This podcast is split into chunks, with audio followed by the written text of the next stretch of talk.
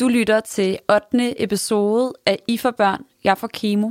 En original podcast udgivet af Loud, produceret og tilrettelagt af herher.nu. Den 2. august sender Ditte i en sen nattetime den her sms. Hvis jeg dør, vil jeg gerne have, at dem, der er tilbage, ved, hvordan jeg har det med de ting, kraften og kemoen gør. Og hvordan jeg tænker, selvom det er ting og tanker, jeg ikke kan fortælle dem nu. Fordi det kan være for voldsomt. Vil du hjælpe mig med at finde en måde at gøre det på? SMS'en tækker ind på Frejas telefon. De næste episoder bygger på samtaler, Ditte og Freja har i den lille toværelseslejlighed, og er derfor næsten helt uredigeret.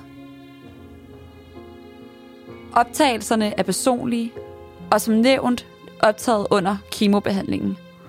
Altså på det tidspunkt, hvor Ditte hun var allermest skrøbelig. Som Ditte selv siger det. De snakke Freja og jeg har, kan fremstå råt for usødet, personlige og meget ærlige. Og samtidig et udtryk for vores tanker og følelser, lige præcis på det tidspunkt, der blev optaget. Vi håber, at du kan være over med de til tider skøre og kluntede formuleringer. Jeg tror du, at andre, der har været eller er pårørende til en med kraft, selv er kraftramt, eller bare står i en sårbar situation i deres liv, kunne få gavn af at høre den, så må du meget gerne fortælle det videre. Så kan vi måske sammen hjælpe en, der lige nu står i eller har været igennem en svær periode i deres liv. Inden du sætter dig ned sammen med Ditte og Freja, så får du lige historien, som den har udfoldet sig indtil nu. En forårsdag får Ditte diagnosen kræft.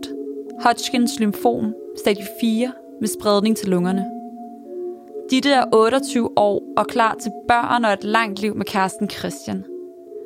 Men kemobehandlingen tager hårdt på krop og sind.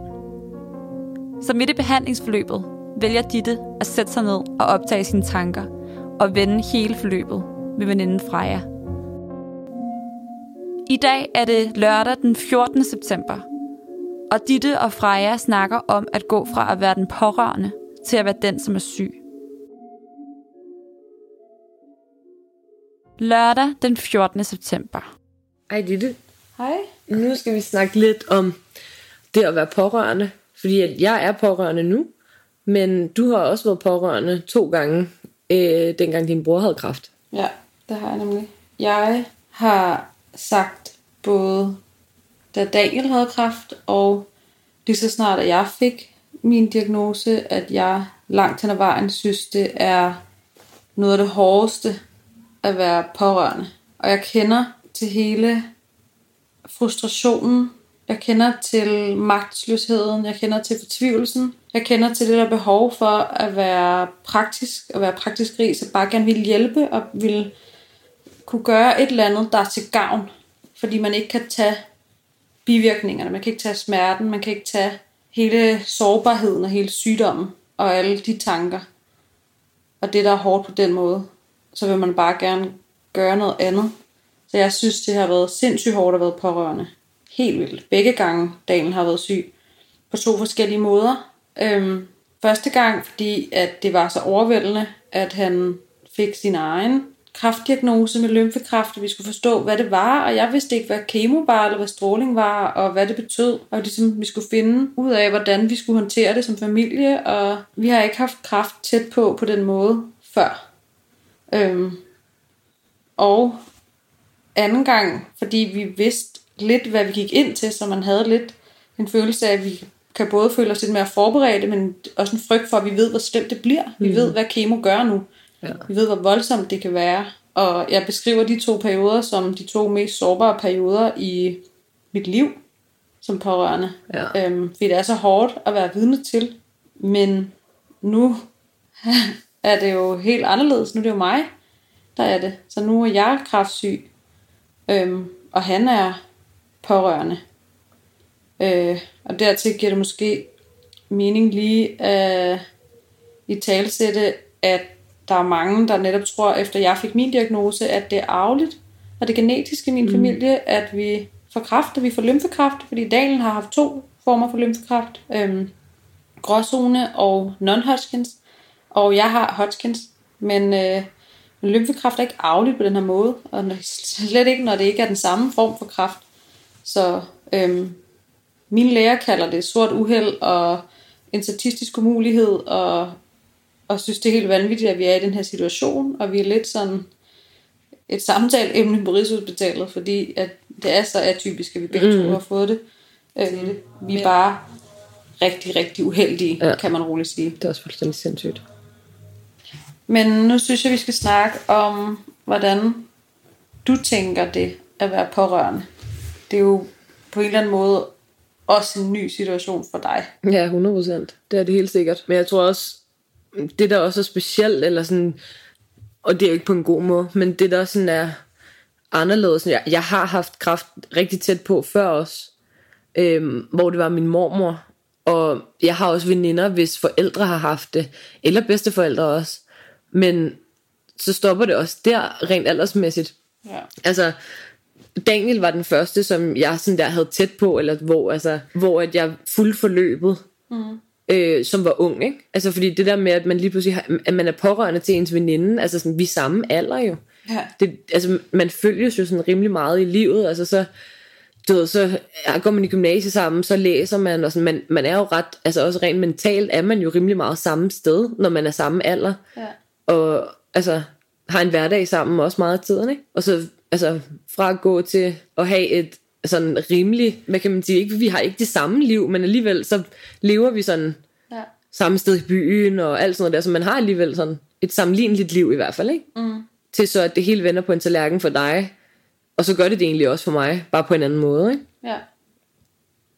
Ja. Plus at man skal også finde ud af, som du også har snakket om, det der med, at, at man har forskellige veninder, så det reagerer jo forskelligt. Så det er også noget med sådan at navigere, hvad kan man? Altså fordi, jeg, jeg var inde og kigge på blogs og alle sådan nogle der ting med pårørende. Hvad siger kraftens bekæmpelse om pårørende, når det er et familiemedlem, eller når det er en veninde, eller når det er en kæreste, eller et eller andet. Der er jo alle mulige forskellige guidelines-agtigt. Men man ved også godt, at ingen kraftforløb er de samme. Eller sådan, man kan ikke sammenligne det. Så det er også noget med at finde ud af undervejs, hvordan skal jeg fungere som pårørende. Så jeg havde mange sådan overvejelser i forhold til, ja, jeg vil rigtig gerne hjælpe med det praktiske også. Jeg bor tæt på, det giver mening, at jeg hjælper med det praktiske. Jeg, jeg er i den heldige situation, at jeg er studerende, øhm, og kun arbejder deltid. Det har så været fuldtid over sommeren, ikke? men mm. jeg har alligevel haft ret meget mulighed for enten at rykke om på timer, eller være her om formiddagen, eller lige gå en tur, eller sådan noget, hvor alle andre måske er på arbejde. Ikke? Så, så kan jeg hjælpe med noget af det. Ja. Øhm, og så også rent sådan, altså nogle gange kan det godt være, at du bare har lyst til at snakke om, hvad der foregår i mit liv, eller en eller anden festival, jeg lige har været på, og, og det ikke skal handle om kraft og sygdom og sådan noget. Og det kan også være, at nogle gange kommer jeg, og du så bare har mega meget brug for at snakke om det her emne, eller et eller andet. Hvor at jeg vil jo gerne kunne rumme alt. Altså jeg vil jo gerne kunne rumme både de ting, der er ubehagelige at snakke om, og også de ting, som gør dig glad, og altså, hvor vi griner af det, og sådan, jeg, vil, jo- jeg vil jo gerne kunne rumme det hele. Så det er også hele tiden sådan en, en opvejelse af, hvordan har du det, og hvad har du brug for, og sådan noget, ikke? Det tænker man jo over altid. Hvordan havde du det så, inden vi fik svar på den scanning, min PET-scanning, som mm. at, altså var indikationen på, om kemoen overhovedet virkede? Ja, øhm, altså jeg sagde også til, jeg snakkede med, med Patrick, min kæreste, og også mine forældre om det selvfølgelig meget hele tiden, altså hele forløbet, ikke? Øhm, men hvor min, min mor far skrev også en besked til mig, sådan, skriv lige, når de der har hørt fra scanningen, fordi de følger det jo også. Og jeg sagde til dem, at hvis kemoen, hvis, hvis de siger, at, at kemoen virker, så er det den første gang i det her forløb, at jeg ikke i baghovedet konstant har tanken om, at risikoen for at miste er sindssygt høj lige nu. Ja. Det var første gang. Og jeg ved godt alt det her med, at man kan få en infektion og alle de der ting. Det, det er jeg godt klar over. Så den ligger der jo stadigvæk. Men bare det, at de gør det rigtige og har gjort det rigtige. Fordi den var så aggressiv kraftformen. Og fordi at du i forvejen var i stadie 4, og at det var advanced. De to ting, der var jeg bare sådan, de har ikke råd til, ikke at lægerne laver fejl, men de har ikke råd til at bruge tid på noget, som ikke virker, og som ikke virker effektivt. Nej. Altså, det, og da vi snakkede om, at det var stadie 2, og da, da vi troede, at det var det, og det var det, de havde sagt og sådan noget, der var jeg sådan, jeg vil ikke sige, at jeg var fortrøstningsfuld, fordi det var stadigvæk mega meget, du skulle igennem, men jeg tænkte, okay, det, det skal nok gå og sådan noget. De er pisse dygtige til det her, og sådan, det bliver hårdt, men du ved, der var det mere forløbet, jeg var bange for. Ja. Det var ikke som sådan kraften, det var mere det forløb, du skulle igennem, der skræmte mig. Ja. Hvor da vi fik at vide det med stadie 4, der var jeg sådan, holy shit, altså, den er nået langt, ikke? Altså, den, den har fået lov at virkelig get in there. Ja, den har virkelig foldet sig ud. Ja. Det må man sige. Og der, der tænkte jeg sådan der, shit. Altså, der, jamen, jeg ved ikke, inden den der, jeg, jeg kunne slet ikke, øhm, i forvejen, da du fandt knuden, mm. der havde jeg, både som du siger med, med Daniel, at det ikke er arveligt eller genetisk på nogen måde, der havde jeg snakket det så meget ned, fordi hvis man kigger på statistikkerne, så giver det ikke nogen, altså, Nej. så, det, så kan du ikke få det jo. Nej, nej, overhovedet ikke. Det er også det, vi snakkede om. Er, vi er ikke to søskende ud af tre søskende, der får, Nej, der får lymfekræft Slet i ikke. ung alder. Det, sådan er det jo ikke. Altså. Slet ikke, Og jeg og det- gik og sagde sådan lidt kægt, og beroliget folk, sådan, ja, men den har dagen taget mm. for os. Den er det ikke. Øhm, for der var mange, der var meget bekymrede på mine vegne, og jeg var slet ikke klar til at være bekymret, før jeg havde fået noget at vide. Mm-hmm. Jeg var slet ikke klar til at melde fanden på væggen, så jeg var sådan, nej, nej, det er det selvfølgelig. Nej, og, det, og vi havde bare snakket den så meget ned. Altså det var, det var, det var lidt, det var som om, jeg snakkede faktisk også med Sulla Lunde om det, mm-hmm. at, at det var som om, den ramte dobbelt så hårdt, Ja. fordi at vi havde snakket den så meget ned, at det kunne den ikke lade sig gøre. Nej. Altså det, og vi så hinanden mange gange i de der to uger, og vejret var godt, og vi sad nede i Nørrebroparken også og sådan noget og snakkede om det. Fordi man var jo selvfølgelig inderst inden, var man jo nervøs for, at det var det, også fordi det var den måde, Daniel opdagede det på, og det er der flere, har man læst om, der har opdaget det på den der måde, ikke? Ja. Øh, og så sagde de det med kyssesyge, og jeg var bare sådan, ja, men så er det det. Altså, Ja. du ved, man, man løg jo også for sig selv, fordi man tænkte, der er ikke nogen grund til at melde fanden på væggen, hvis det så ikke er det. Ja. Og det var der jo heller ikke, hvis det ikke havde været det. Men da det så ramt, og det var det, så ramte den bare dobbelt så hårdt, ikke? Fordi man havde nærmest overbevist sig selv om, at det var overhovedet ikke muligt. Jeg kan huske, at jeg brugte meget energi på at tale det ned Mm. til andre.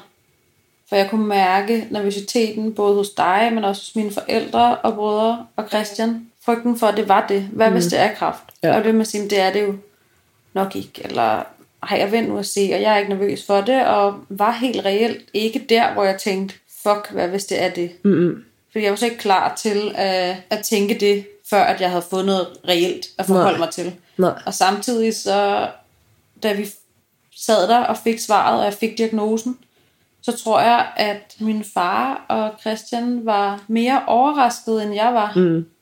over at det var kræft. Ja. Men det er også fordi, det er mig, der har siddet til alle biopsier, og det er mig, der har set hende, kvinden, der scannede mig i ansigtet, da hun, lige så snart hun puttede den der ultralydsscanner på knuden første gang, og set deres reaktion. Ja. Og alle, lige siden jeg har gjort opmærksom på den og været til læge med alle de sundhedspersonaler, jeg har mødt, har været overrasket over størrelsen på de knuder. Ja. Og hver gang jeg har spurgt, hvad kunne det ellers være, har de kunne give noget godt svar på, hvad det ellers Nej, kunne være. præcis. Øhm, Men det i mit hoved betyder ikke, at jeg så vil gå hjem og sige, det er nok det, det er nok det, det er nok det. Øhm, For det gavner ikke nogen, Nej. før vi har fået svar.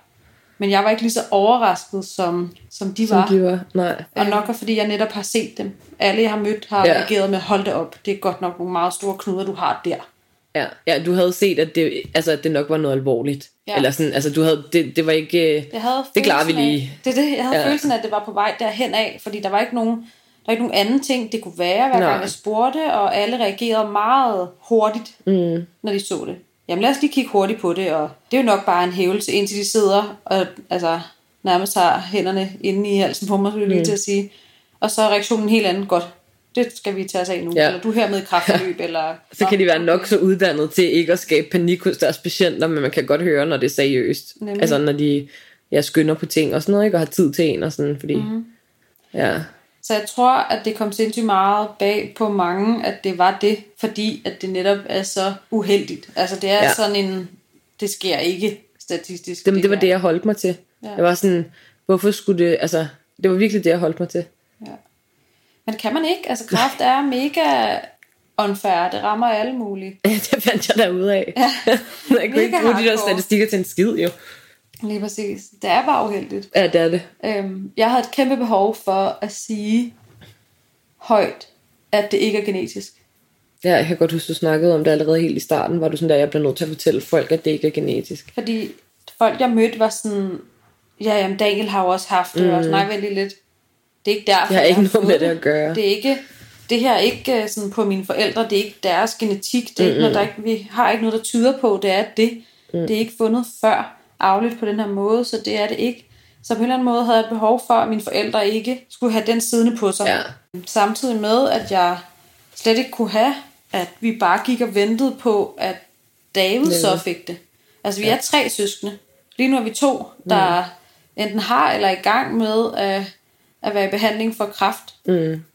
For mig er det sindssygt vigtigt, at det ikke er genetisk. Ja, også på Helt grund af Anton og alt muligt andet. Altså sådan, Lige præcis. altså det, og, det, og det er jo også, det er jo også, selvom det er sort uheld, så er det jo en positiv ting. Mm-hmm. Netop fordi I er tre, ikke? Nemlig. Ja, Altså bare tanken om, hvis David også skulle igennem det, Ja, ja, er sindssygt svært ved at rumme. Ja, det og jeg jeg synes, det er mega hardcore at skulle tænke sådan. Så derfor er jeg, ja ja, uheldet er ude, men jeg er lettet over, at det mm. ikke er genetisk. Og det holder ja. jeg fast i, og derfor havde jeg et behov for at sige det. Mm. Øhm, fordi jeg kunne mærke, at jeg blev ramt hver gang folk bare antog, ja. at det, når det er jo jeres familie, eller det, det er jo synd, at det er med jer, og I, I, øh, I har det sådan. Og jeg er sådan, Ja. nej, nej, hey, hey, stop lige. Ja. Sådan er det altså ikke. Det så vil jeg hellere være uheldig, end jeg vil være en, der skal gå og frygte for, at nu tager det os bare en efter en, alle Ja. søskende. Ja. Og hvad skal vi så, og hvor mange gange skal man gå til tjek, eller hvordan forbereder man, eller Ja. det gad jeg slet ikke have. Nej, så kan David bare gå og vente, ikke? Altså det er også bare, Mm. altså det er jo også umenneskeligt at skulle det. Det er det. Selvom, at det ikke er, selvom det er genetisk, er det jo ikke lovet, at man får det Nej, nej. heldigvis. Men alligevel har det været sindssygt vigtigt for mig at få det understreget. Hmm. Især når folk bare har tænkt det automatisk. Ja. Det bliver grænseoverskridende for mig. Ja, så forventer vi bare, at det er sådan, der. Ja, men det er også, jeg tror også, det er fordi, det er, altså også fordi, at alt det med Daniels var jo og så meget i medierne og sådan noget også, ikke? Og han også har været god til at være åben om det. Ja. Så jeg tror bare, det, altså det er alle, der, det samtlige mennesker, jeg tror ikke, der er nogen, der ikke, altså som kender jer, som ikke har tænkt det jo. Mm-mm. Altså, og jeg, jeg havde svært ved, jeg havde seriøst svært ved, da du sagde til mig, jamen det er ikke, øh, vi snakkede om det allerede inden du fik, øh, allerede inden du var inde og få kigget på knuden, mm. der snakkede vi om det, da du havde fundet den og kun været til lægen den første gang. Der var jeg sådan, om, fordi du selv sagde, at det, det kunne være det, mm. og det var sådan, Daniel fandt det, så var jeg også sådan, men, men hvad, er risi- hvad, er, hvad er tallene for det? Ja. Altså, hvad er chancen eller risikoen for, at det også skal ske for dig? Mm. Og så var det sådan, den er der ikke, fordi det er ikke afligt. Altså det, det siger de, det ikke er. Så var jeg allerede der, okay. Og så var snakket, da de fandt ud af, hvad det var og sådan noget, der, blev, der spurgte de jo også igen. Mm. Øh, og jeg spurgte også igen, og var sådan, er vi sikre på det her? Fordi jeg tror, min hjerne fatter ikke, at man kan være så uheldig. Nej. Altså, man kan være uheldig at få kraft to gange, ligesom Daniel. Ja. Men altså, det, den tredje gang i den familie, det, det, det kan bare, altså, det kan ikke være rigtigt. Nej. Det, det, det er totalt ufatteligt for mig. Men det er det, og sådan har jeg det jo også. Daniel sagde jo til mig, da vi ikke vidste, hvad det var, det er ikke genetisk. Mm. Det har jeg fået at vide af mine læger, det er ikke genetisk. Og så spurgte vi jo stadig, jamen kan det hænge sammen? Og de var sådan, det kan det bare ikke. Og slet ikke, når det ikke er samme lymfekræft. Jamen, det er det. Så selvfølgelig er det ikke det. Men vi nåede da også at gå i panik. Sådan er det bare fejlinformation. Ja. Men for mig nu, når, det, altså, når vi ved det, jeg bliver fandme nødt til at sige det højt. Ja. Også fordi det er så urimeligt. Og det, der gør allermest ondt på mig, er, at mine forældre mm. skal igennem det her igen. Ja. Jeg ved, hvor hårdt det var, da Daniel var syg. For mig. Mm. Men bare det, jeg skulle forestille mig, at mine forældre nu tredje gang Mm. har et barn, der har kræft. Ja. Og de er på sidelinjen. Og det har sine begrænsninger. Mm. Hvad man kan gøre, hvad man kan hjælpe, og hvor meget man kan, kan tage fra. 100%. Øhm, det synes jeg er så urimeligt. Ja. Og det synes jeg er hårdere at tænke på, end at jeg har kræft. Ja. For mig er det meget, meget hårdere, at de seriøst går igennem det her igen. Mm. Endnu en gang. Ja. Også for David. Han er pårørende. Mm. Igen. Igen. Ja. Tredje gang. Daniel er så ny igen. Ja. som pårørende. Ja. Og jeg er en ny situation som den, der har sygdommen. Mm. Og du er den mindste, så du også, altså de har jo også altid været meget sådan overbeskyttende brødre og sådan noget, så mm. for dem er, det, er magtesløsheden jo også endnu, altså gerne at ville passe på, og så altså ikke kunne gøre noget, sådan som du siger, tage smerten, eller bivirkningerne, eller et eller andet, ikke? Lige præcis. At det er også bare en virkelig, virkelig, virkelig forfærdelig situation for dem at stå i. Ja, heldigvis så synes jeg, at vi som familie er sindssygt gode til at snakke om tingene. Mm. Og det ved du også godt. Nu kender du min familie, har gjort det gennem mange år, men mm. vi er, der er ikke noget, der er tabu. Altså vi taler alt til døde, og vi taler også alt det her til mm. døde. Og vi bruger sindssygt meget energi på at snakke tingene ud og være åbne. Og der er selvfølgelig tidspunkter, hvor man ikke kan snakke om ting, fordi det er lige for hårdt og lige for voldsomt. Mm. Men vi bruger rigtig meget energi på at være der for hinanden. Og, og gennemgå de tanker og scenarier, der kan være, og snakke tingene ud. Øhm, og det er jeg sindssygt glad for. Men det gør også, at vi har snak- snakket rigtig meget igennem, da Daniel var syg, både første og anden gang. Øh, og som vi selvfølgelig også fortsætter med at snakke igennem nu, men det er en anden situation at sidde og være den, der bliver snakket om, Mm. end at prøve at være den, der skal hjælpe. Ja. Også fordi det er en anden situation nu for mig, øh, i forhold til hele behandlingsforløbet. Jeg havde min, min mor med til min anden gang kemo, og at sidde og se hende skulle overvære mig få kemo i armen, Ja. var ikke særlig rart. Mm. Overhovedet ikke. Men det vil man jo ikke byde sin egen mor. Altså man vil jo også gerne prøve at ja, passe på i det omfang, man kan. Mm. Selvom det er dig, der er syg, har du jo stadigvæk det der, at hun ikke skal se sådan noget ubehageligt. Lige præcis. Det kan man jo ikke lade være med at tænke på. Hun har været det igennem to gange, og Det er det. Jeg kunne se hende sidde og trippe på stolen ved siden af mig, mm. da de lagde an til, at jeg skulle have kemo ind i årene, det ligesom gør klar, og hvor meget hun ikke var klar til at lige at kaste sig ind foran og sige, bare tag min mm. arm i stedet for. Bare Ja. giv mig det her kemo i. Ved du hvad, jeg tager den her portion. mm, Du skal sgu ikke have det. Altså den måde, man kunne se hende være, være rørt Ja. over situationen, og synes, det er rigtig hårdt. Jeg fik også spurgt, hvordan har du det? Jeg synes da ikke, det er sjovt at sidde og se min datter få kemo. nej. Men jeg ved, at det er nødvendigt. Øhm, og Jeg ved, at det er sådan her, det skal være. Og selvfølgelig skal du have det, men det er helt vildt hårdt at sidde og se på. Mm, Og det kunne jeg bare så godt relatere til. ja. Jeg har siddet og set Daniel få kemo. Jeg kunne så godt relatere til det. Ja. Sådan hele den her følelse af, fuck ja, jeg vil bare gerne tage det fra dig. Eller sådan fortæl mig, hvad jeg kan gøre. Så tager mm. jeg det her. Hvad for nogle smerter har du nu? Lad mig tage dem. Kan jeg ikke tage dem fra dig? Og giv mig halvdelen. Lige præcis. Ja. Hvad kan jeg pant aflaste for, at jeg kan få lov til at tage det der fra dig? Ja. helt irrationelt, men et mærkeligt behov at bare have, og man kan ikke rigtig give udtryk for det så tydeligt, for det hjælper jo ikke. Det er jo, altså igen, det er jo mig, der skal sidde, det er mig, der skal have kemoen. Det er Ja. jo fandme, altså det er jo faktisk noget pis, hvis jeg ikke får den kemo, hvis jeg Ja. pludselig ikke kan få den, min krop ikke er klar til den, fordi det kemoen, der hjælper mig mod kræften, men det gør det bare ikke rationelt at sidde og se dig og, og være rolig i det. Mm-mm. Nej, bestemt ikke. Men føler du, at der er nogle ting, som du har lyst til at sige, eller snakke om, eller et eller andet, eller nævne, men hvor du lige tager dig selv i ikke at sige det højt, fordi din mor og far er der? Ja, Ja. ja det gør jeg. Altså sådan, du skåner dem. Ja, men det er mere øhm, i forhold til situationen. Mm. Jeg havde jo, nu sidder vi med bogen ved siden af os, men fra da jeg fik diagnosen den 6. maj, og til jeg offentliggjorde på Facebook og fortalte alle, fordi jeg kunne skjule mere, at jeg skulle starte kemo, eller var startet kemo, og hvordan mit forløb ligesom ville se ud, der havde jeg øhm, en masse tanker, jeg lige skulle finde plads til. Jeg lige skulle kunne rumme mm. selv, som var lidt svært. Og der var alting så skrøbeligt for alle, fordi jeg har lige fået diagnosen. Altså, som du også beskrev, sådan den der følelse af at blive ringet op og få det at vide, men der er jo en masse frustrationer. Og jeg vidste det jo godt, så jeg valgte, at mange af de grimme tanker, jeg havde, dem var der ikke nogen, der skulle høre lige nu. Mm. For der var ikke nogen, der var klar til dem lige nu. Så jeg fandt en gammel, slidt notesbog frem og skrev alle mine grimme tanker ned i den. Og havde dem for mig selv, fordi jeg var ikke klar på, hverken du eller Christian eller mine brødre eller andre af mine venner eller forældre skulle høre dem, men jeg skulle af med dem. Mm. Jeg skulle af med alle de grimme ting. Jeg skulle have lov til at lige få ud af mit system at sige nogle af de ting, jeg synes var urimelige, eller nogle af de ting, jeg frygtede, eller hele den der følelse af, at mit liv øh, er totalt sat på pause, mm. og jeg andre kører bare derudad. Mm. Fra den dag, jeg fik at vide, hvad for en årsag der var til den der knude, derfra, der har jeg ikke selv nogen som helst kontrol over, hvad der skal ske, mm. hvad min hverdag skal være præget af, Nej. hvordan jeg skal føle, hvad jeg skal have det, hvad jeg kan spise, hvordan jeg skal sove, hvordan jeg kan gå på arbejde, hvem jeg kan se, hvad jeg må. Mm.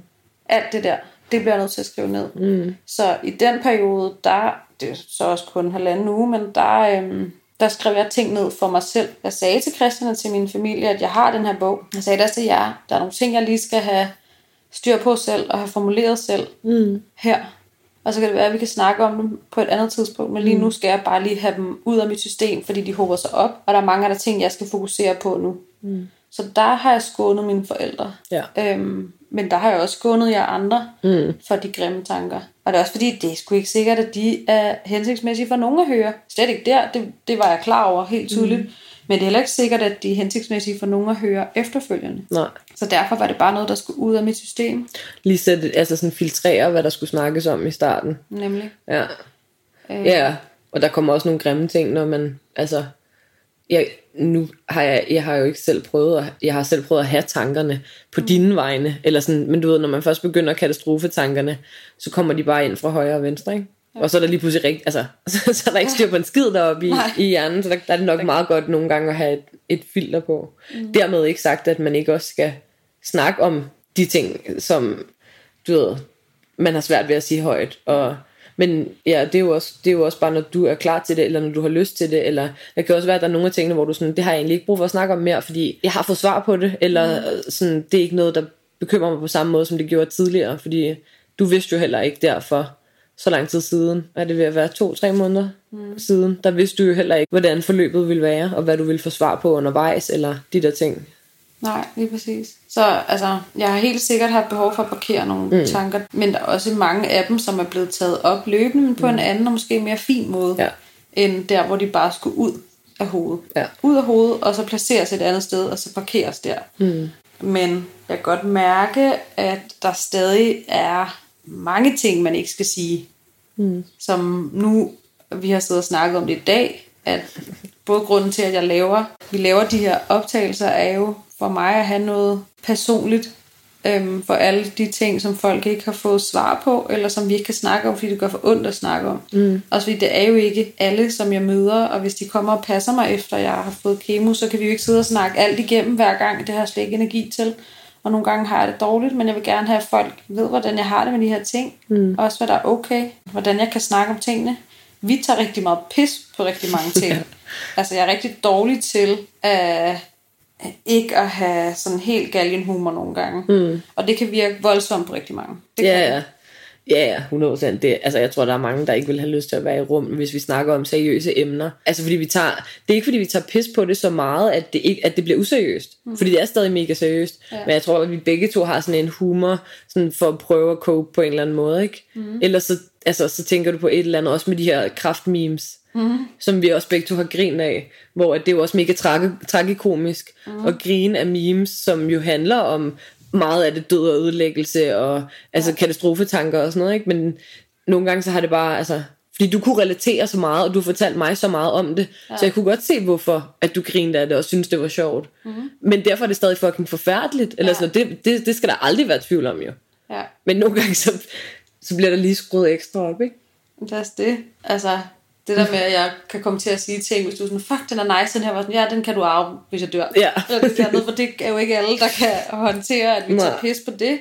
Nej. Men det er bare en, en sådan, det er den måde, vi snakker om tingene på, og det ja. bliver også nødt til, at vi bliver nødt til at forholde os til, at der er nogle helt alvorlige udfald af det her.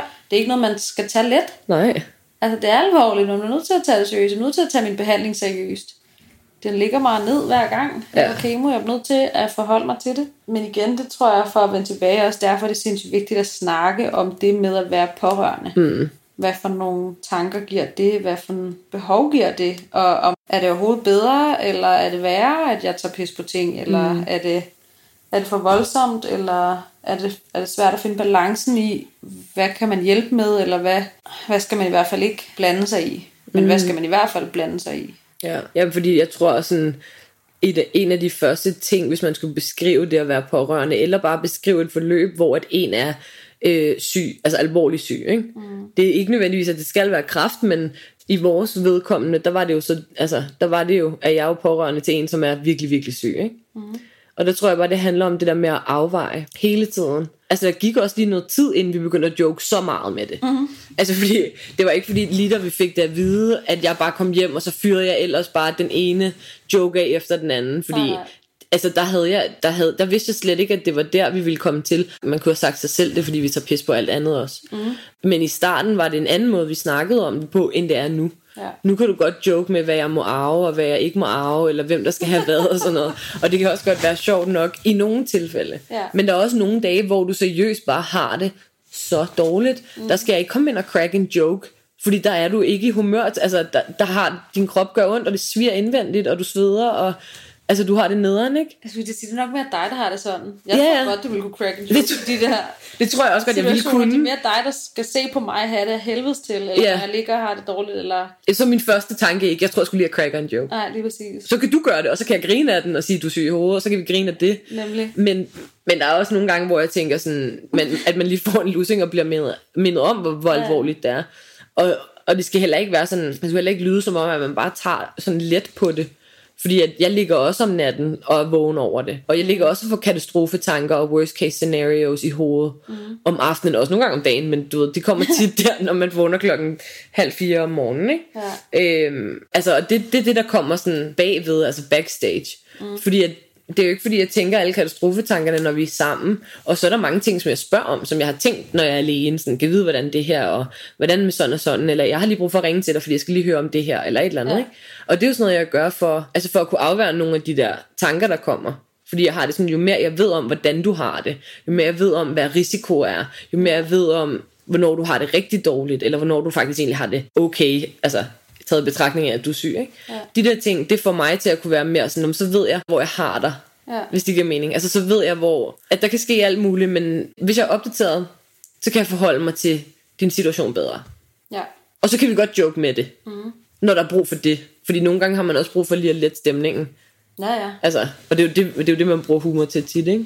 Ja, altså jeg har jo selv gjort det før, at jeg startede min kemo. Vi aftalte, Christian og jeg, at hans hverdag skulle være så normal som muligt. Mm. Og derfor kunne jeg godt tænke mig, at han gik så meget på arbejde som muligt. Øh, og selvfølgelig stadig følte, at han kunne være i det, fordi jeg kunne mærke, at jeg havde den her her af mm. veninder, der gerne vil hjælpe, og har en familie, som sindssygt gerne vil hjælpe. Og er så heldig, at mine, begge mine forældre er gået på pension her for nylig. Og derfor er jeg privilegeret. Der er nogen, der kan være her hos mig. Mm. Lige nu er, er hele min familie samlet i København. Der er ikke nogen, der bor længere væk længere. Vi er så tæt på hinanden. Vi er lige i nærheden. Derfor synes jeg, det giver mening at aftale med Christian, at han skulle være på arbejde. Så den aftale, vi har nu, er, at han er med til kemo. Mm. Hver 14. dag før jeg kemo, jeg må ikke få det i et mindre interval, overhovedet kan min krop slet ikke klare. Øhm, så hver 14. dag er han med, og han er med til lægekonsultationen, hvor jeg så senere samme dag får kemo. Men så er der dagene efter, hvor at jeg ikke kan noget mm. overhovedet, og hvor det ikke er så fint, at jeg er alene, fordi jeg har det pisse godt. Det er jo så ligesom nu, hvor du er hos mig, og min mor har været, og der er mange, der har været på skift og være hos mig. Men jeg vidste godt, for at det skulle fungere, blev jeg nødt til at sørge for, at folk var trygge i at være hos mig. Mm. Altså, jeg Ja. kan ikke sætte nogen ind og sige, vil du ikke komme og være hos mig der? Det, det betyder ikke, at jeg får det dårligt, men jeg skal bare helst ikke være alene, så det er bare lige, hvis det lige passer eller et eller andet. Øhm, og folk vil sindssygt gerne hjælpe, og altså, alle er jo mega på, og, og vil virkelig gerne, og der har heldigvis været tusindvis af, helligdage. Mm. Øhm, det første lange stykke af min behandling, så Ja. folk også kunne, og folk skulle tage fri fra arbejde. Hvor jeg så kunne sende Christian op til sin egen familie og lave noget der, eller ud og drikke vin med drengene, eller et eller andet andet. Men jeg føler, at jeg skulle ruste jer til at kunne rumme at være med mig. Mm. Og det kan I jo ikke, hvis I ikke ved, hvad I skal være opmærksom på. Jeg kan ikke Nej. forvente, at alle bare ved, hvad er det, der er behov for hos mig. Så derfor har jeg jo også ville sørge for at give nogle guidelines. Så jeg har jo selv lavet, den står så ude på vores spisebord nu, men nogle, det hedder de nye husregler herhjemme, Ja. hvor jeg allerede i den ikke kunne lade være med at tage pis på nogle af tingene. Ja, ja. Øhm, fordi det er sgu for voldsomt, hvis jeg skal lave sådan en, det her er de værste bivirkninger, eller være opmærksom på det her. Mm. Så den er sådan en blanding af, at det er alvorligt. De skal lige vide, at jeg, vi skal huske at tage min temperatur, og den må ikke være over 38 med mundtermometer i hvert fald, så skal jeg ringes på Rigshospitalet og alle mulige ting. Det er lige før vi næsten skal læse den op lige om lidt, for at det giver mening, at jeg ikke skal sidde og prøve at gengive det. Mm. Det er mærkeligt på den her måde. øhm, men på den måde tager jeg også pis på det, men vil gerne ligesom ruste jer til at kunne være i det, så ved I, hvorfor man skal være opmærksom på de her, de her ting, mm. eller hvorfor skal jeg spise mad, eller hvorfor skal I hjælpe mig med at få gjort det her, ikke klø, eller ikke et eller andet. Mm. Øhm, og det tror jeg er, for at I føler jer rustet til at være her, og ikke føler, at det er både angstprovokerende at sidde og se mig have det dårligt, Mm. øh, og hjælpe mig, imens jeg ikke kan noget, og helt lysfølsom, og har blister i hele munden, og er forstoppet, og whatever af de spændende bivirkninger, der er. Og, og samtidig så er det også for, at allerede åbne op for, når man kommer ind ad døren, så står der det der skilt Mm. med de nye husregler printet ud. Ja, det skal ikke være nogen hemmelighed, eller sådan, men det der er også meget, bare det, man kan snakke om det, ikke? Mm. Altså, bare det, at, altså, ja, bare det, at, at det er okay at spørge os. Ja. Og, altså fordi, ja, det er okay at spørge, og det er okay at snakke om det, og sådan, det bliver jo aldrig tide ihjel, fordi at lige så snart man kommer hjem, så er det jo sådan der, har du fået din morgenfrugt, eller hvor, er det der din tredje flaske vand, eller ja. øh, har du skulle tage din temperatur, hvad sagde temperaturen, sådan nogle der ting, ikke? Mm. Hvad med pillerne, skal du lige huske dem også? Så man, nu er man jo blevet mere vant til det, men i starten er det da sindssygt angstprovokerende at skulle huske, øh, et voksent menneske på at spise og drikke vand og tage piller, mm. fordi at du bare enten har været så træt, du gerne vil sove, eller du ved, bare har været et andet sted, sådan mentalt, fordi der lige har været mange ting at se til, ikke? Eller bare ikke har lyst til det. Har Eller bare ikke har- går til stille og ikke siger noget og håber på, at man Har ikke opdager, at du ikke har drukket vand. ja. Har ikke lyst til det. Altså, den har bare den der dårligdom mm. indeni. Jamen, det er da sindssygt ubehageligt, men, og det er også fordi, at man ikke kan sætte sig ind i det. Altså det er det, der nogle gange er mit problem, når du siger, at det brænder indeni. Ja. At det der med, sådan, efter du har fået kemo, jamen, det brænder også bare indeni, og så har det været 30 grader udenfor. Sådan, jeg brænder både udvendigt og indvendigt. Og sådan. Mm. Man kan ikke forstå, hvordan noget brænder indefra. Nej. Altså sådan, du, kan, du har prøvet at forklare det, og jeg kan godt sige, okay, nå ja, okay, jamen, hvis noget er varmt indeni, og det sviger, og sådan, ja, ja, mm. men jeg kan ikke se, altså, jeg, kan jo ikke, jeg har ikke mærket det, så det er så svært at sætte sig ind i. Ja. Og det samme med kvalme, ja, jeg har haft kvalme, men det har ikke været en konstant kvalme, der sådan, gjorde, at jeg ikke har haft lyst til at spise i fire dage. Nej. Altså, det, det kan jeg ikke sætte mig ind i. Nej. Det havde jeg sgu nok heller ikke kunnet. Nej. Det havde jeg sgu nok ikke. Jeg synes, det er faktisk langt til, at vejen godt kan være svært at beskrive kemobivirkninger. Mm. Øhm, der er nogle af dem, som er sådan åbenlyse. Du ved godt, hvad blister i munden er. Ja. Så når jeg siger, at min altså kemo gør, at jeg har blister over det hele, så det gør også gør ondt at spise. Ja. Det er bare irriterende. Ja. Du kan godt forstå det, for du har haft blister i Ja. munden. Hvor der er nogle bivirkninger, som du af rigtig gode grunde ikke har haft. Mm. Og gud skal takke og lov for det. Ja, det der med ondt i kæberne, for eksempel. Ja. Skrømpesmerter. Strømpesmerterne. Åh, det Ja. var hardcore. Det er også don't mention the war. Men ja, ja, ja det, der prøvede du også at forklare det, men ja. man kan ikke sætte ord på noget, der gør så ondt, og som man ikke har mærket før. Altså, sådan, det, det kan man jo ikke. Lige præcis. Så det er nogle ting, der er svære at... Jeg ved ikke, om jeg har lyst til, at I skal relatere til, når jeg forklarer det, men jeg er nødt til at forklare det, fordi I kan se, at jeg har det dårligt, men Ja. ja. det er svært at finde ud af, hvad man kan gøre ved det. Og så mange af bivirkninger er der bare ikke noget at gøre ved. Nej. Den må jeg bare æde, den lort må jeg æde. Og så vide, at det er, det er en uge, og så har jeg mm. en, en kemofri uge, hvor at jeg forhåbentlig kommer ovenpå og klar til næste omgang. Mm. Øhm, og sådan er det bare. Altså, Det er og også nogle af bivirkningerne nu, snakker du mindre om, end du gjorde i starten. Fordi mm. du lige skulle finde ud af, sådan, man glemmer nogle gange, jeg ved godt, du ikke gør, men jeg glemmer nogle gange, at du også har kvalme. Mm. Fordi så siger du ikke noget om det. Nej. Og så kan det godt være, at du lige laver et ansigt, hvor jeg er sådan, hvad, hvad så? Har du ondt i hovedet? Eller er det fordi, du havde også på et tidspunkt mega ondt i hovedet hele tiden? ja, helt vildt. Øhm, Men det har jeg stadig, men det er bare... Men det er, sådan, det er blevet nye er det. normal, uanset ja. hvor nederen det er. Men så kan man godt nogle gange glemme, at udover at man kan se på dig, at du har det dårligt, eller at du siger sådan, at jeg har mega ondt lige her, eller sådan noget. Udover det, mm. så har du også blister i munden. Mm. Du har også forstoppelse. Mm. Du har også ondt i hovedet. Du har også kvalme. Altså det er jo ting, som nu er blevet, at sådan er det bare, ikke? Ja, heldigvis. Altså, man vender sig til mange ting. Jeg ja. siger ikke, man skal vende sig til, til kemobivirkninger. Det kan man heller ikke. Nej. Altså, det kan man ikke. Nej. Jeg glemmer hver gang, og jeg siger det også til Christian, hver gang lige efter jeg får kemo, så er jeg sådan her, Nå ja, det er den her måde, det Ja. føles at have den her kvalme på. Det er den her måde, det føles, når det brænder. Ja.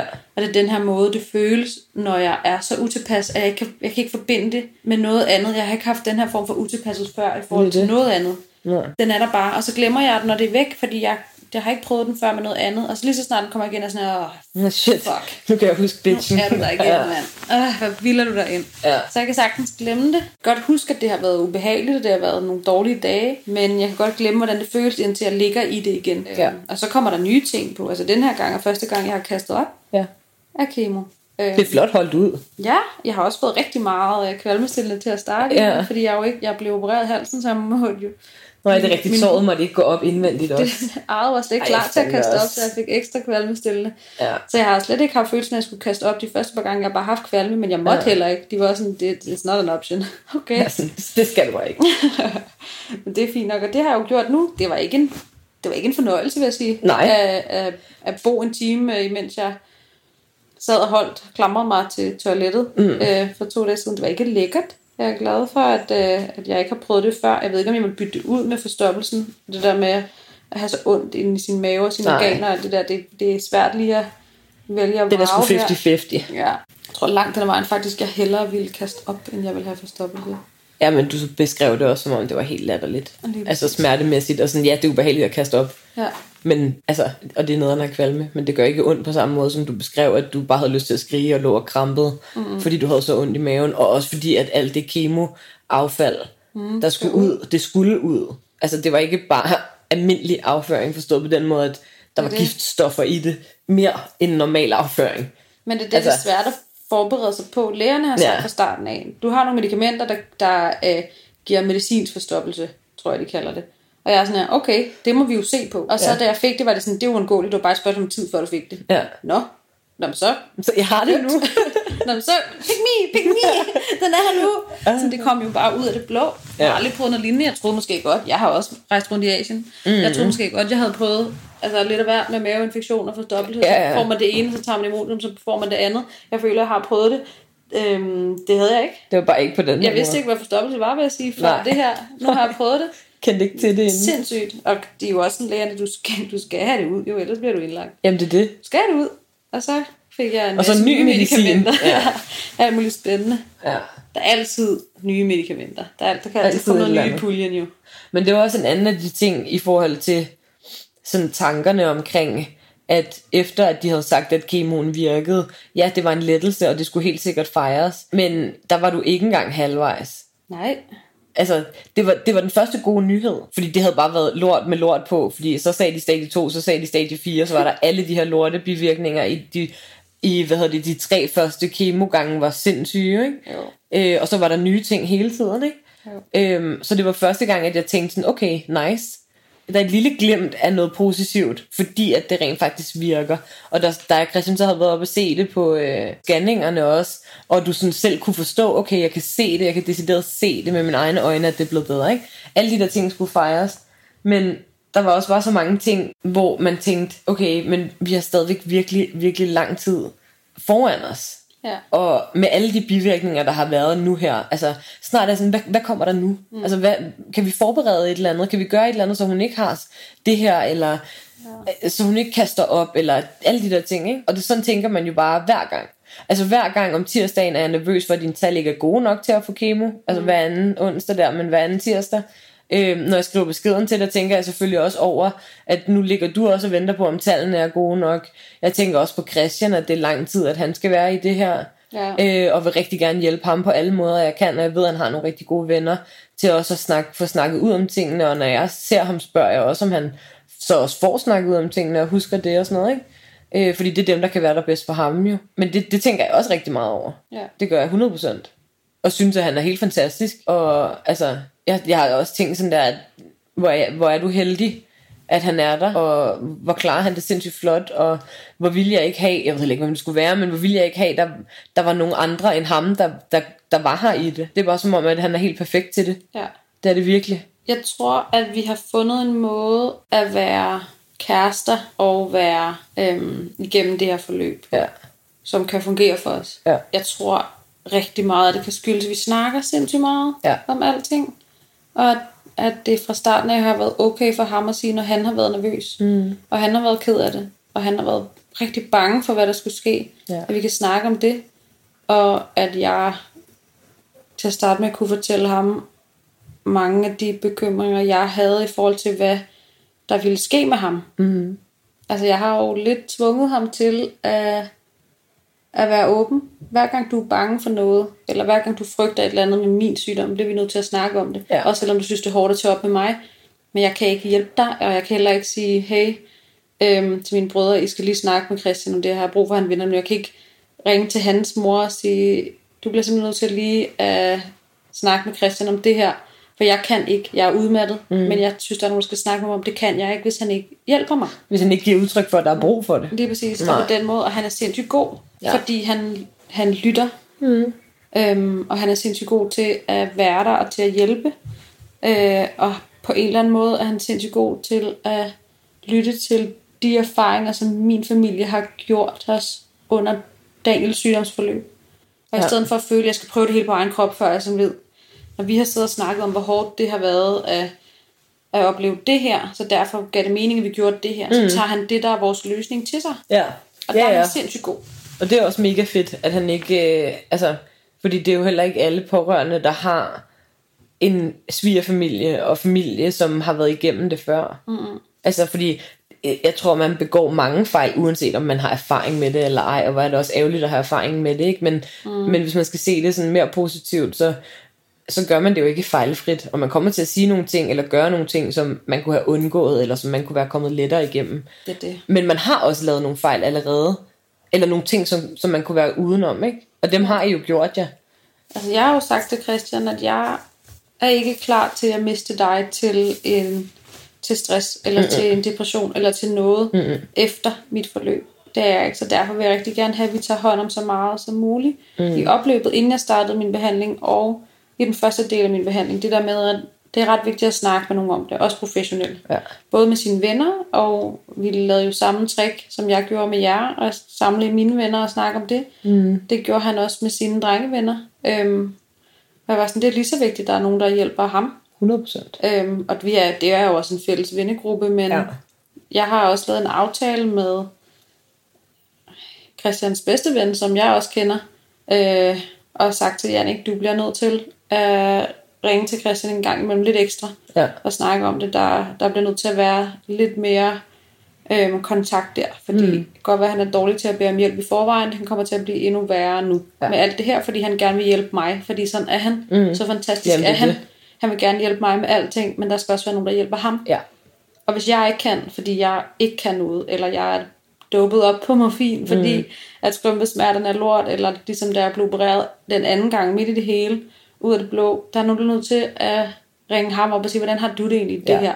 Har du lige brug for at komme ud, og fordi at, ja, han kan ikke være sygepasser hele tiden. Nej. Han har også et job, han skal passe. Han har også venner, han skal passe. Altså, der er også der er så mange andre ting, som er vigtige for ham, fordi at, ellers, skal han, ellers så kan han ikke være noget for dig. Altså, det, det kan han jo virkelig ikke. Hvis han først kører død i det, og altså går helt ned og sådan noget, så altså, det er der jo ingen, der har gavn af. Nej, Altså, det er der jo virkelig ikke. lige præcis. Det er der jo virkelig ikke. Så på den måde, så Christian er fantastisk, fordi han er ham, Mm. og han er endnu mere fantastisk, fordi han faktisk lytter til det, vi ved, som kan være gode ting at gøre. Ja. Og han lader mig hjælpe ham også. Mm. Sådan, så det ikke bare hedder, han er her for at hjælpe mig, det er mig, der er syg, Mm. så han hjælper mig.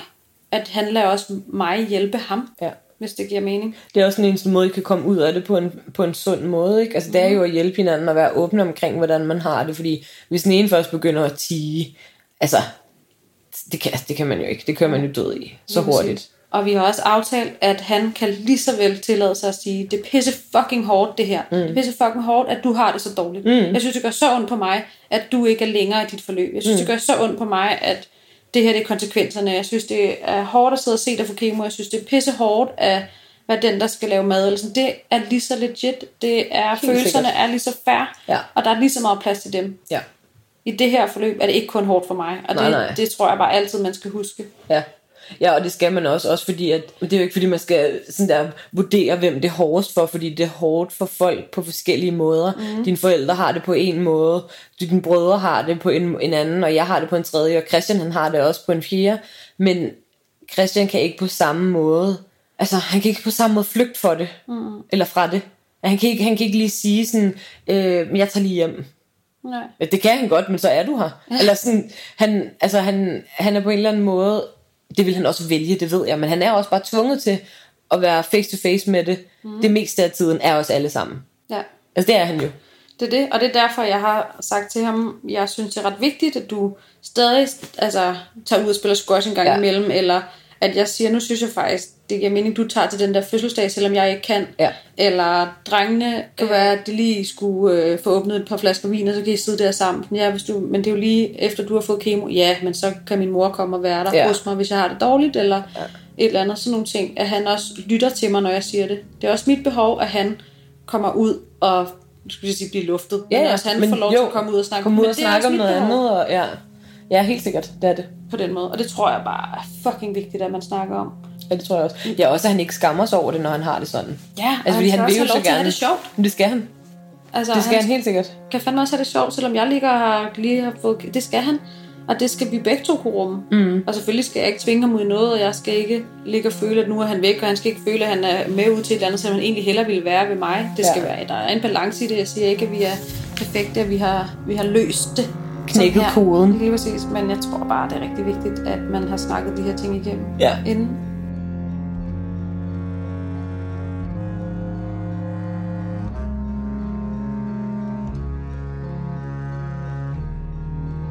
Men Ditte, du har også lavet nogle, nogle regler til folk. Nogle huskeregler. Øhm, hvad var tanken bag, da du lavede den? Altså, der er de nye husregler, som er dem, som skal sådan forberede folk lidt på, hvad de skal være opmærksomme på, når de er og passe mig, eller hvad man siger, uden at skulle lyde fuld. fuldstændig som et barn. Mm-hmm. Men altså, når de er her, efter at have fået kemo. Mm. Og det er dem, som jeg både synes er lidt vigtige, men der skal ruste dem lidt til det, hvor jeg ikke, ikke kan lade være med at tage lidt pis på, hvad det er, kemo ligesom gør. Jeg vil lige læse dem op, sådan så man kender dem. Og de er altså sat i printet og sat i ramme og står på bordet i, øh, i køkkenet. Mm. Og der står de nye husregler. Øh, håndsprit er alles nye bedste ven. Vær sød at bruge det hyppigt, mens du er i lejligheden. Ved siden af rammen står en håndsprit. Og det gør det også på toilettet. Yes. Øh, der er høflig selvbetjening på alt i køleskabet, skabe og skuffer.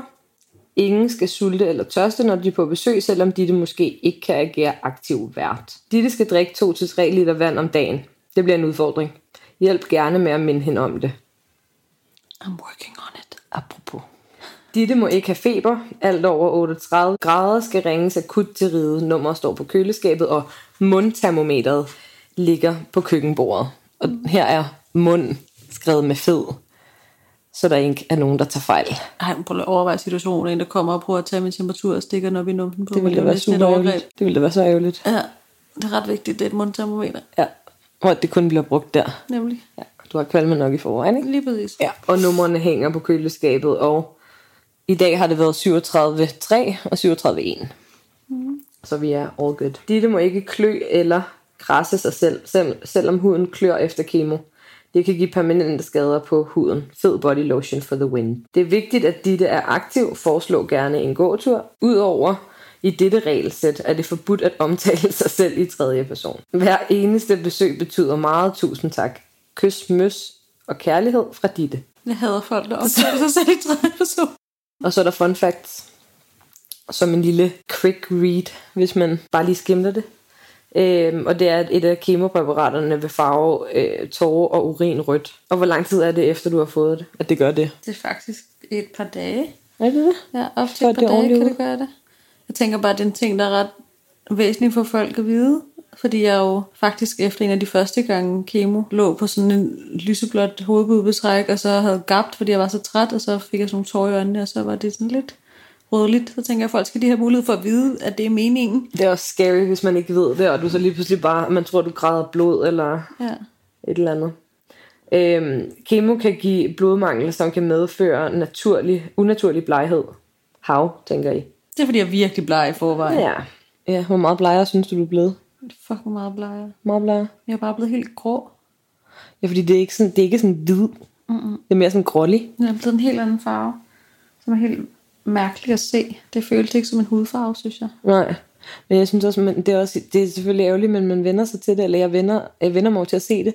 Jeg, jeg tænkte lige over det før, sådan, hvis man så dig på billeder, ja, så ville jeg jo godt kunne se forskellen, fordi før var du mere gylden. Det kan godt være, du var bleg, men du var stadigvæk sådan en, en gylden, en varm farve i det. Mm.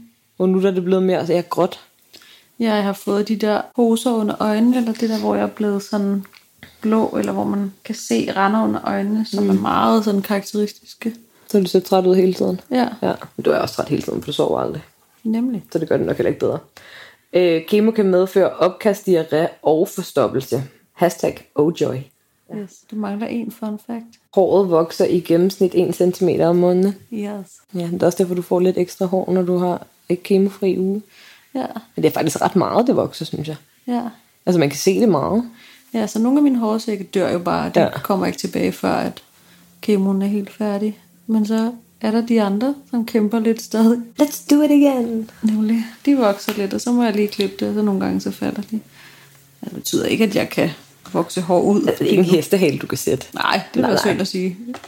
Kig på mig lige nu med mit helt skaldet hoved. Kan faktisk ikke sætte noget. Nej, ingenting. Nej, må jeg lige se, hvor, hvor meget det er nu? Jamen, nu er det sidste jo ikke rådet af. Det er kun to dage siden, ikke? Mm. Det er ikke helt... Altså, det bliver jo mere de næste par dage, vel? Ja, det er i hvert fald der, det kan drysse. Ja, men der var et tidspunkt, hvor du... Var der et tidspunkt eller flere, hvor du har fjernet det selv, Jeg har fjernet det mange gange. fordi det blev for langt. Jeg tror, jeg har fjernet det tre, fire gange nu.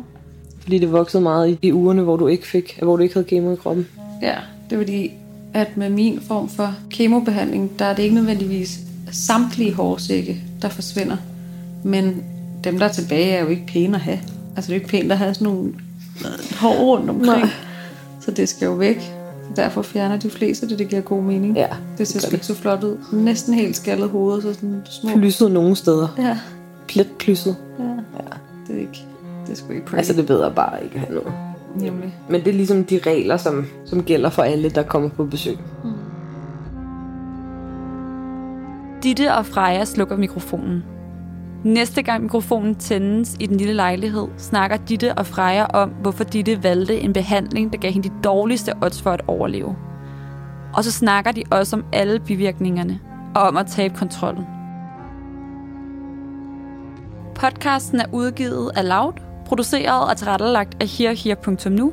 Klip, mix, storyboard og manus af Anders Guldberg og Christiane Digte Vedel, som er mig.